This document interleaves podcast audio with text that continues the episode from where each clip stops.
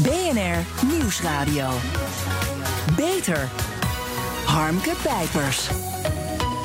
Gezondheid is de belangrijkste waarde in onze samenleving. Zo toont de coronacrisis overduidelijk aan. Alles draait om niet ziek worden. Hoe tegenstrijdig is het dan dat terwijl de overheid en samenleving alles in de strijd gooien om de pandemie te bedwingen, er zo weinig aandacht is voor een van de voornaamste risicofactoren, overgewicht. Daarover praat ik met mijn gast Liesbeth van Rossum, hoogleraar gezond gewicht en biologisch stressonderzoek aan het Erasmus Medisch Centrum en voorzitter van het partnerschap Overgewicht Nederland. En bovendien genomineerd voor Rotterdamse Vrouw van het jaar 2021. Voor je inzet voor mensen met obesitas. Gefeliciteerd daarmee. Ja. Um, Liesbeth, door de coronapandemie is er meer aandacht gekomen voor de gevolgen van overgewicht. Hè? Coronapatiënten met obesitas hadden een ernstiger ziekteverloop. Maar overgewicht was niet de enige oorzaak, maar ook allerlei onderliggende klachten, zoals hart- en vaatziekten, diabetes 2, kanker, depressie en verminderde immuniteit. Ja, als de problematiek rondom obesitas jaren eerder en beter was aangepakt, dan was de impact van de coronapandemie minder heftig geweest volgens jou. Waar ligt dat aan? En wiens verantwoordelijkheid is dat? Um, ja, nou ja, wat we nu eigenlijk zien is uh, dat er een chronische pandemie is van obesitas en overgewicht. Uh, wat al heel veel jaren steeds een toenemend probleem is. Um, en niet alleen in de westerse wereld, maar ook in de niet-westerse wereld. En daar overheen komt de acute pandemie van een virus. En nou weten we inderdaad al langer dat er niet alleen maar ziekten als diabetes en kanker en depressie het gevolg zijn van obesitas. Maar dat deze mensen ook vaak een verstoord immuunsysteem hebben en gevoeliger zijn voor infecties, zoals bijvoorbeeld het griepvirus. Dus wij zijn ook niet verrast dat dit gebeurt. Maar het, het is wel weer even heel erg duidelijk dat dit aan de hand is. En ja, wie verantwoordelijk is, vraag 2, dat, dat, ja, dat is ingewikkeld. Want uh, ik denk voor een heel groot deel is natuurlijk onze hele omgeving niet uitnodigend om gezond te eten. Dus daar ja. ligt een heel groot deel van de verantwoordelijkheid bij de overheid. Ja, komen we zo nog op. Maar goed, jij noemt het een gemiste kans dat de overheid de pandemie niet meteen heeft aangegrepen om er wat aan te doen. Ja. Ze waren al zo druk met corona, het was allemaal nieuw. Wat hadden ze volgens jou kunnen doen? Nou, het is, het is altijd lastig om daar kritiek op te hebben. Wat ik wel vind is er gebeuren heel veel goede dingen. En natuurlijk moeten die coronamaatregelen allemaal in acht worden genomen. Met die afstand houden en dat soort dingen. Maar daarnaast is het zo dat je ziet dat een deel van de mensen ongezonder gaat leven. En vaak met, met name de mensen die al overgewicht hebben. Ja. Die zie je in een ongezonder leefpatroon terechtkomen. Door meer stress, minder bewegen. En een deel van de mensen, het is wel de minderheid hoor. Maar er is wel een deel van de mensen juist met overgewicht die ongezonder gaat eten. Nou, dus de mensen die al een probleem hebben, die, daarvan neemt het probleem toe. Ja. En daarvan is het zonde dat we niet ook heel even duidelijk zeggen. Want we weten dat als je al aan je leefstijl uh, werkt, dat, dat je binnen een aantal weken, en zeker, we zijn nu al een jaar verder, in een jaar tijd verder, heel veel gezondheidswinst kan bereiken. Niet alleen op al die complicaties van bijvoorbeeld overgewicht, maar ook op je immuunsysteem. En dat is natuurlijk een hele mooie manier om jezelf te wapenen tegen allerlei virussen. Ja. Ook waarschijnlijk het coronavirus. Mensen met overgewicht, met ernstig overgewicht, zijn naast dik ook lui. Ze zouden niet geschikt zijn voor leidinggevende functies. Ja, er bestaan heel veel voor, uh, voor, vooroordelen over obesitas. En een paar weken geleden ging de campagne Vet Lastig van start om meer begrip te kweken voor mensen met obesitas. Ja, dat is hard nodig, hè? Dat is heel hard nodig. Want één, ik denk, eh, op dit moment is het zo dat um, het discrimineren van mensen met overgewicht is een van de laatste vormen van sociaal geaccepteerde de, vormen van discriminatie. Ja. He, over godsdienst en, en, en, uh, en huidskleur. Daar bestaat nog discussie over. Is absoluut natuurlijk niet goed, maar daar hebben we het nog over. Maar obesitas gaat heel onbewust. En mensen krijgen vaak ook minder goede gezondheidszorg. He. Ook artsen discrimineren daarop. Ja. Inderdaad, minder hoge functies, minder salaris. Uh, met inderdaad DDD, domme dikke, allemaal... domme dikke diabetes, heb ik wel eens begrepen. Uh. Ja, dat is een van de termen die in het ziekenhuis wordt gebruikt. Ja. Dat is echt niet oké. Okay. En daarmee helpen we mensen niet. We stigmatiseren, want er zijn weinig mensen die dik zijn voor de lol. En de complexiteit eromheen, die wordt ook niet gezien hoe moeilijk het is om er soms vanaf te komen. Er wordt veel te simpel over gedaan. Ja, want, want mensen zeggen als je maar gezond eet en voldoende beweegt, ja, dan ben je van het probleem af. Of als je gewoon eens een poosje streng op dieet gaat. Die mensen hebben dus echt allemaal ongelijk? Nou, we weten als mensen heel streng op dieet gaan, werkt dat prima op de korte termijn, maar op de lange termijn vrijwel nooit. Mm. Zo'n crash dieet, dat is niet een obesitasbehandeling, staat ook niet in de richtlijn. Is wel wat mensen die heel graag willen afvallen vaak te horen krijgen of ja. dat zelf doen. En dat, dat maakt dat mensen vaak in een yo-yo-effect terechtkomen en dan steeds verder aankomen. Want je lichaam gaat dat gewoon heel hard tegenwerken en wil naar een hoger gewicht. He, dat, dat soort dingen, dat, dat doet het lichaam voor een deel ook zelf. Dat is niet allemaal, gaat niet allemaal over wilskracht. Hè. Voedselkeuzes gaat voor een heel groot deel ook over um, niet alleen de omgeving, hoe je wordt verleid. Dat is een heel belangrijke. Maar ook hoe reageert je lichaam en, en je brein op bepaalde prikkels en hoe ga je daarmee om. En um, ja, dus dat, dat, dat is echt wel een ingewikkelde. Mensen denken daar heel vaak. En er zijn echt wel mensen die op uiteindelijk een, een gezonde leefstijl hebben en desondanks obesitas hebben. Um, en, en daar enorm op veroordeeld worden. Want er zijn zoveel oorzaken van obesitas. Natuurlijk is leefstijl een hele belangrijke. En dat is de, de, de, de meest voorkomende uh, oorzaak ongezonde leefstijl. Maar we hebben natuurlijk ook, sommigen hebben genetisch een aanleg, sommige mensen hebben uh, hormoonziekte, sommigen hebben medicijngebruik of een psychische oorzaak, of leven in armoede. Uh, er zijn zoveel oorzaken voor obesitas en daar wordt veel te weinig naar gekeken en rekening mee gehouden. Er is, uh, obesitas is kortom een, een, ziekte en moet ook zo worden gediagnosticeerd, behandeld en voorkomen. Uh, ja, niet alleen preventie tegen overgewicht is dus belangrijk. Er is nu al een hele grote groep mensen obese en die moet geholpen worden. Hoe moet dat? Ja, het is, het is goed om te noemen. Het is inderdaad als ziekte bestempeld obesitas door de WHO, maar ook door de Gezondheidsraad in Nederland. Ja. Um, vet is een actief orgaan. Er worden wel honderden hormonen ingemaakt en andere stoffen die voor heel veel dingen van het lichaam belangrijk zijn. Op het moment dat je te veel hebt, is dat vet ziek. Net zo goed als een hart of een lever ziek kan zijn. Je vet ja. kan ook gewoon ziek zijn. Dat betekent onder andere dat bepaalde mechanismen verstoord raken, waardoor je verbranding, je eetlusregulatiesysteem, er kan van alles veranderen in je lichaam, wat het ook niet meer goed doet. En uh, een dieet is dus geen obesitasbehandeling. Wel gezond eten is natuurlijk heel belangrijk. Uh, maar stap 1 in de richtlijn, wat, wat we zouden moeten doen, is een gecombineerde leefstijlinterventie voor mensen die dan obesitas hebben. Uh, dat is dan um, een tweejarig programma met uh, aandacht en begeleiding bij niet alleen gezonde voeding, beweging, maar ook bijvoorbeeld stress, slaaptekort, gedragsverandering. Echt de mens als geheel aan alle ja. knoppen draaien waar aan te draaien is. En dat een intensief programma. Hm. Nou, en bij een deel van de mensen is dat genoeg uh, en werkt dat voor de lange termijn. Voor sommigen, maar voor een heel deel van de mensen ook niet. Nee. En dan zijn er andere mogelijkheden. Ja, maar uh, voordat we daarover gaan praten, ook steeds meer kinderen hebben overgewicht. Hè? En dat is zorgwekkend voor de lange termijn, want het is een voorbode van problemen op latere leeftijd. Want die kinderen zijn, als er niet wordt ingegrepen en als ze eenmaal volwassen zijn voor de rest van hun leven, veroordeeld tot gewichtsproblemen. Heb ik ooit begrepen uit het boek uh, Vet Belangrijk, waar jij ook aan meegeschreven hebt. En dat is natuurlijk ja, klopt. Ik samen met, met Mariette Boon geschreven. Precies. Nee, wat, wat, het inderdaad zo is, is dat in de kindertijd er worden de vetcellen al aangelegd. En eigenlijk tot je twintigste zo ongeveer worden die vetcellen aangelegd. Daarna worden ze alleen maar groter of kleiner nog. En we weten ook uit literatuur en wat, wat, wat we zien in de wereld, is dat mensen die, die op de kinderleeftijd al uh, obese zijn, dat de kans dat ze als volwassenen obese zijn echt mm. enorm groot is. Dus um, daar valt ook heel veel winst te behalen om ja. dan ook al uh, te voorkomen dat, dat kinderen te dik worden, maar ook hoe ga je met dat gedrag om? Dat je niet bijvoorbeeld uh, troosten, uh, dat je kinderen leert dat met, met snoep getroost kan worden. Ja. Of dat je elk zwemdiploma weer met snoep uh, beloont. Maar dat je dat beloont met een dikke knuffel. Of op een andere manier. Wat, wat, dus gedrag daarin is ook heel erg belangrijk. Ja, en natuurlijk toch uh, wel meer zeg maar, initiatief van de overheid om uh, kinderen die redelijk kansloos zijn als ze in een gezin zitten waar slecht gegeten wordt en slechte leefwijze is om die te behoeden voor uh, die, die afschuwelijke toekomst waarin ze voortdurend oorlog moeten voeren met hun eigen lijf. Maar goed, ja. obesitas is dus een optelsom van allerlei puzzelstukjes. En niet alleen van een ongezonde leefstijl, ook genen, depressie, stress, slapeloosheid, hormonen enzovoort spelen daarbij een rol. Ja, hoe kom je daarachter? Het is zoveel. Ja, we hebben daar vanuit Partnerschap Overgewicht Nederland hebben we daar op de website een heel stappenplan gemaakt met allemaal lijsten. Hoe kan je herkennen welk type obesitas je hebt? Dus gewoon de website van Partnerschap Overgewicht Nederland. Um, er zijn allerlei alarmsymptomen waaraan je kan denken. Ook wanneer is er sprake van onderliggende ziekte en is er bijvoorbeeld medische hulp nodig? Of wanneer is misschien psychologische hulp nodig? Um, en daar staat ook een heel plan bij. Wanneer is wat nodig? Dat is ook een verlengstuk eigenlijk van de richtlijn die op dit moment ook wordt herzien. Dus daar zal nog veel uitgebreider op teruggekomen worden. Maar dit is, mensen kunnen daar zelf makkelijk op kijken. Maar ook bijvoorbeeld huisartsen kunnen daar. Uh, we zijn daar ook heel veel bezig op dit moment met nascholingen voor huisartsen, voor internisten.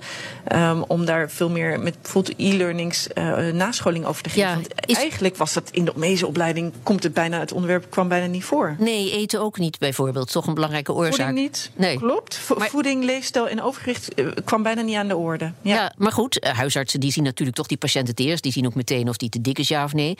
Nemen huisartsen dan initiatief? Weten ze eigenlijk wel hoe ze mensen met overgewicht kunnen helpen? Nemen ze die verantwoordelijkheid ook? Nou, jarenlang zie je dat, dat dat te weinig gebeurde, maar dat is ook logisch. Want Mhm. de eerste stap in de richtlijn, die gecombineerde leefstijlinterventie, werd bijna nergens aangeboden, want die werd ook niet vergoed. Ja. Dus ja, dan kon een huisarts zeggen, u moet op dieet en wat meer gaan bewegen. En die adviezen gaan meestal in rook op, op het moment dat je niet direct toeleidt naar iemand die echt goed daarbij begeleidt. Tuurlijk heb je die mensen die een paar pondjes te veel wegen en die nog door zelf met een appje van een ommetje bijvoorbeeld hè, zelf aan Ja. de slag gaan of met de voedingsapp van het eh, voedingscentrum. Prima. Dat, dus er zijn een heel deel van de mensen die zelf een paar pondjes eh, kunnen kwijtraken. Maar als we het echt hebben over obesitas, is er gewoon meer nodig. En ja, nu die gecombineerde leefstijlinterventie, oftewel die GLI, in het basispakket zit sinds 2019. Nu zie je dat steeds meer huisartsen wel gaan toeleiden. Steeds Ja. meer horen daarover. En er komen ook steeds meer leefstijlcoaches. Want die waren natuurlijk ook niet in het hele land Nee. beschikbaar. Ja, die, die leefstijlinterventie is een intensief traject hè, van twee jaar. Ja, dat kost dus nogal wat. Maar eh, weegt die investering, zo vermoed ik eh, eh, vol hoop... die weegt wellicht ruimschoots op tegen de kosten van ziekte en werkuitval... die je daarmee weet te voorkomen? Ja. Er zijn berekeningen opgemaakt, ook voordat het in het basispakket kwam, door het Zorginstituut.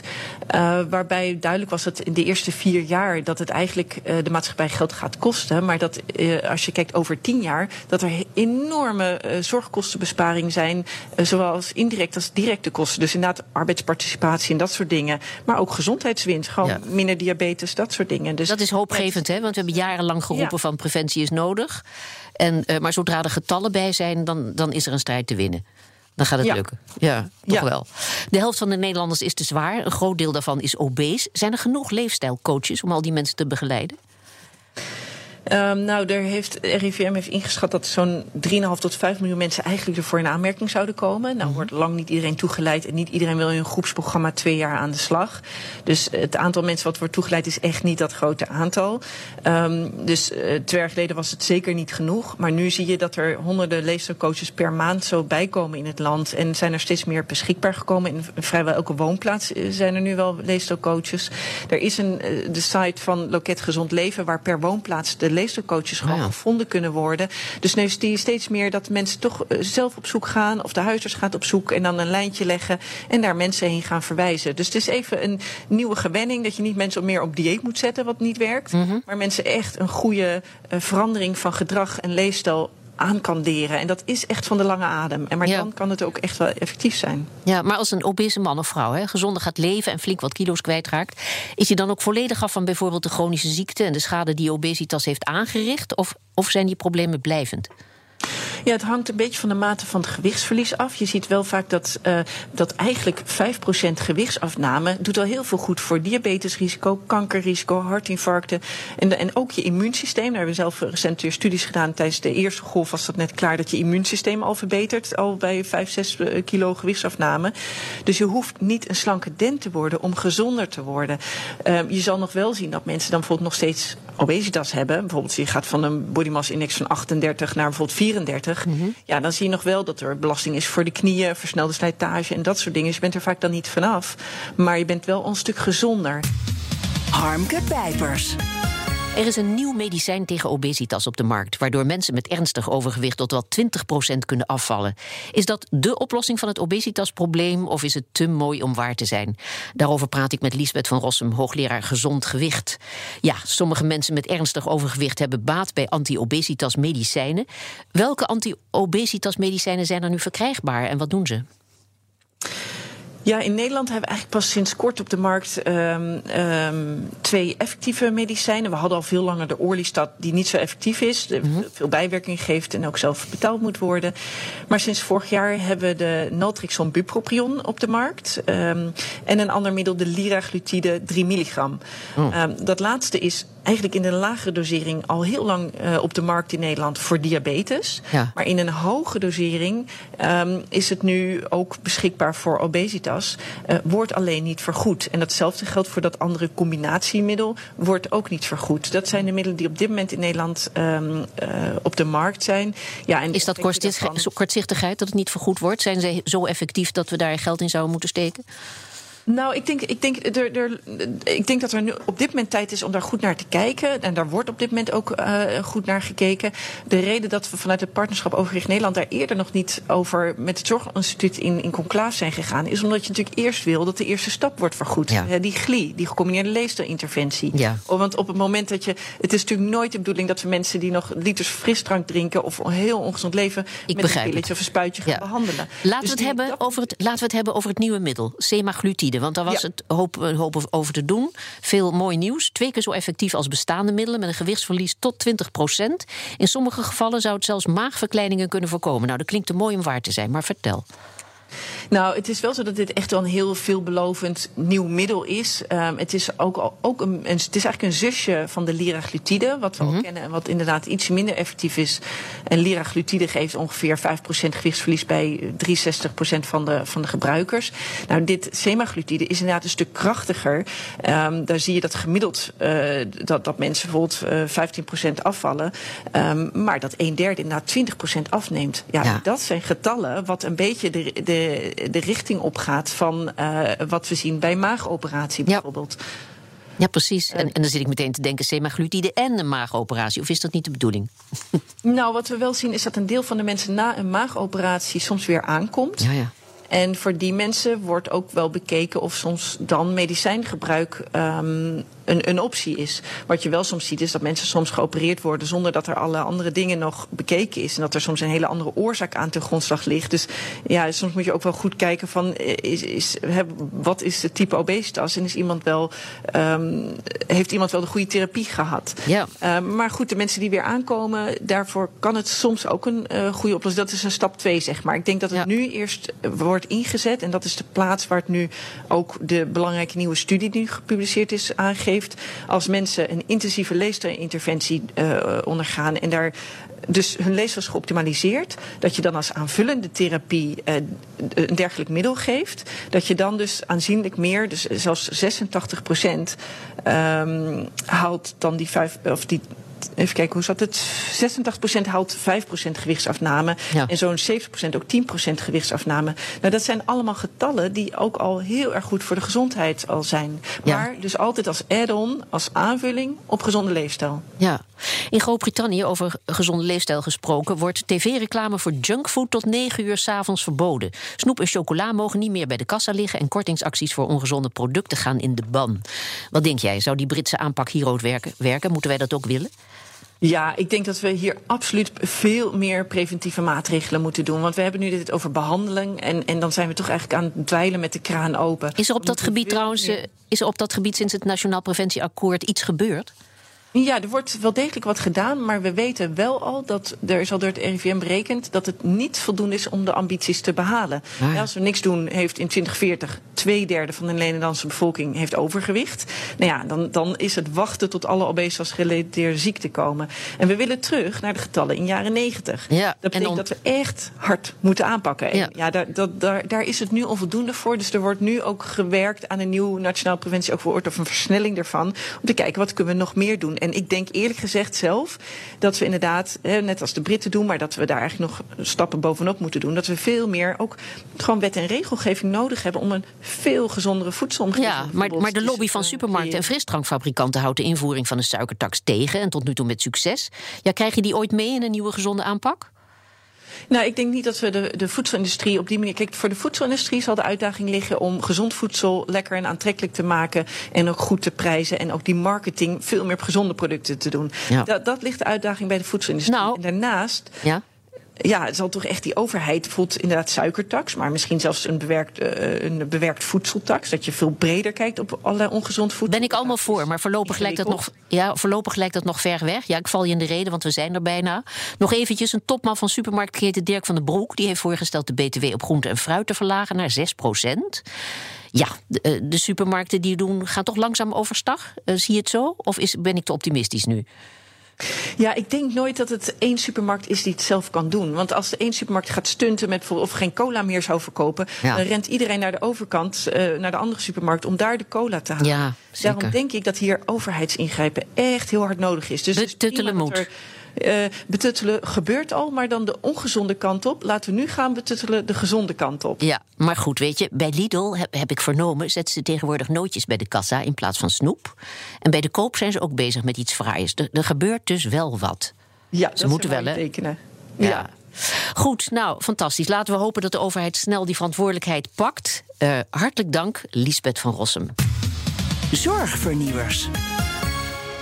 Er zijn volop ontwikkelingen in de zorg. Nieuwe medicijnen, technieken en behandelmethoden maken het leven van de patiënt beter en het werk van de specialist makkelijker. Wat zijn de laatste innovaties? Nou, gynaecologen en verloskundigen rondom Rotterdam Zuid hebben een app geïntroduceerd voor zwangeren en hun partners, de ZWEP Plus, waarin aanstaande ouders allerlei informatie over de bevalling ontvangen en gegevens kunnen bijhouden. Ja, Inge Verhagen, obstetrieverpleegkundige op de afdeling verloskunde van het Maastad ziekenhuis.